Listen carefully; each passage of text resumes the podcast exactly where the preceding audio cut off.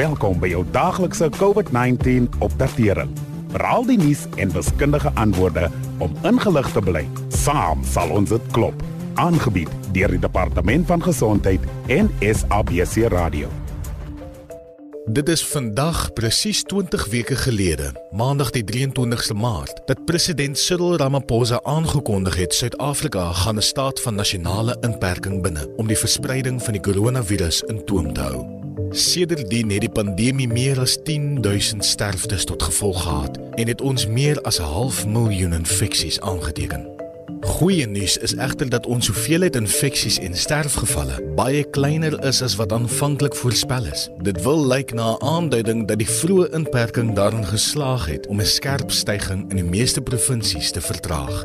Verbeteringe op die terrein van behandeling het ook gelei tot 'n groot afname in die aantal sterftes in COVID-hospitaalfasiliteite. Op 'n landwyse vlak het byna 3 uit elke 4 persone wat 'n infeksie opgedoen het, nou al herstel. Verskeie kundiges het aangedui dat die pandemie moontlik in die grootste provinsies verby sy piek beweeg het. Na aanleiding van die onlangse daling in die aantal infeksies, het die minister van gesondheid, Dr. Zweli Mkhize, gesê hy is ook versigtig optimisties dat COVID-19 gevalle verby hulle hoogtepunt mag wees. En daar word verwag dat die regering sommige van ons inperkingsregulasies mag hersien wanneer die nasionale raad môre vergader. Hierdie week keer leerders in graad 7 terug skool toe. Nie alle ouers is egter gemaklik daarmee dat hulle kinders midde in 'n pandemie na die skoolbanke terugkeer nie.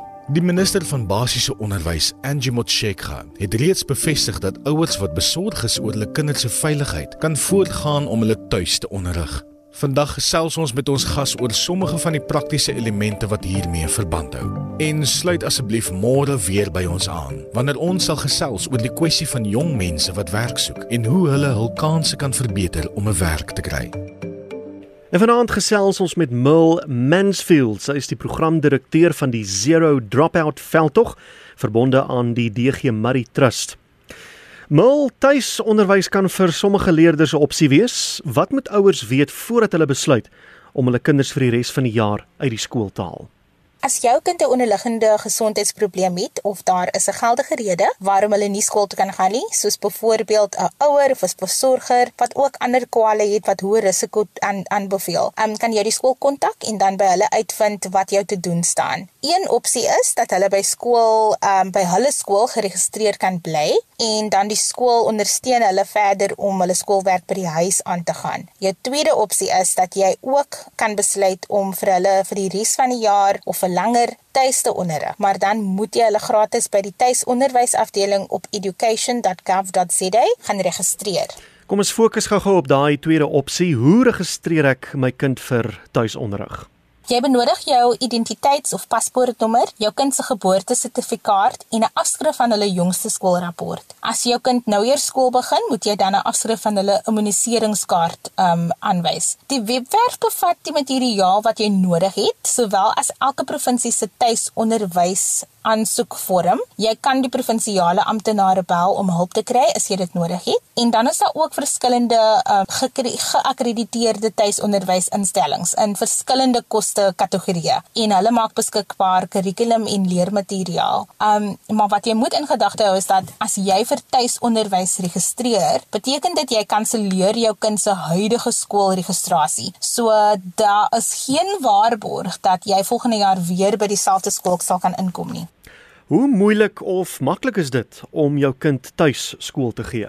Tuisonderwys kan baie uitdagend wees. Uh jy het goeie internet nodig, asook die nodige kennis om jou kinders met hulle skoolwerk te kan help. Jy het ook baie tyd en energie nodig om elke dag te doen wat gedoen moet word. Um vir alles jy nog moet werk ook. Elke gesin het hulle eie stel uitdagings, so kyk wat werk beste in julle omstandighede. Probeer 'n gesonde en stimulerende omgewing vir jou kind te handhaaf en stel 'n rotine in en doen julle bes om dit vol te hou sodat hulle maklik weer by die skoolroetine kan inval later. Wat van ouers en kinders se emosionele toestand gedurende hierdie tyd? Of jy nou tuisonderrig doen en of hulle weer binnekort terug by die skool gaan wees?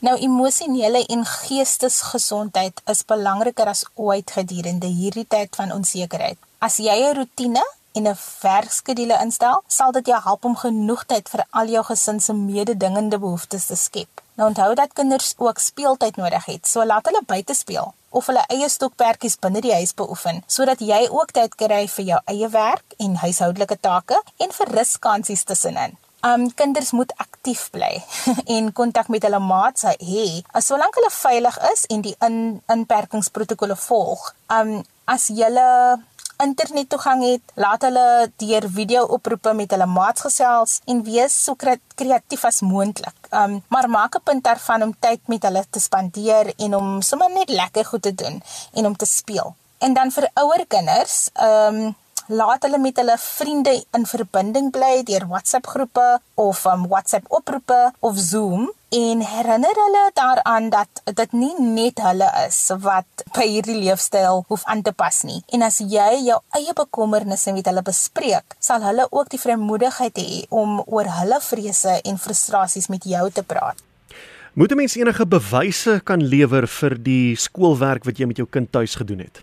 Ja, en dit kan ook nogal moeilik wees, maar die departement van onderwys vereis dat jy 'n rekord moet hou van alle werk wat deur die leerder gedoen word, maak aantekeninge en hou afskrifte van alles en jy kan die volledige lys van vereistes op die tuisonderwys um, webwerf kry by education.gov.za. As ouers nie tuisonderwys gee nie, hoe kan hulle hulle kinders help om hulle skoolwerk op datum te hou totdat hulle dan wel terug aan skool toe?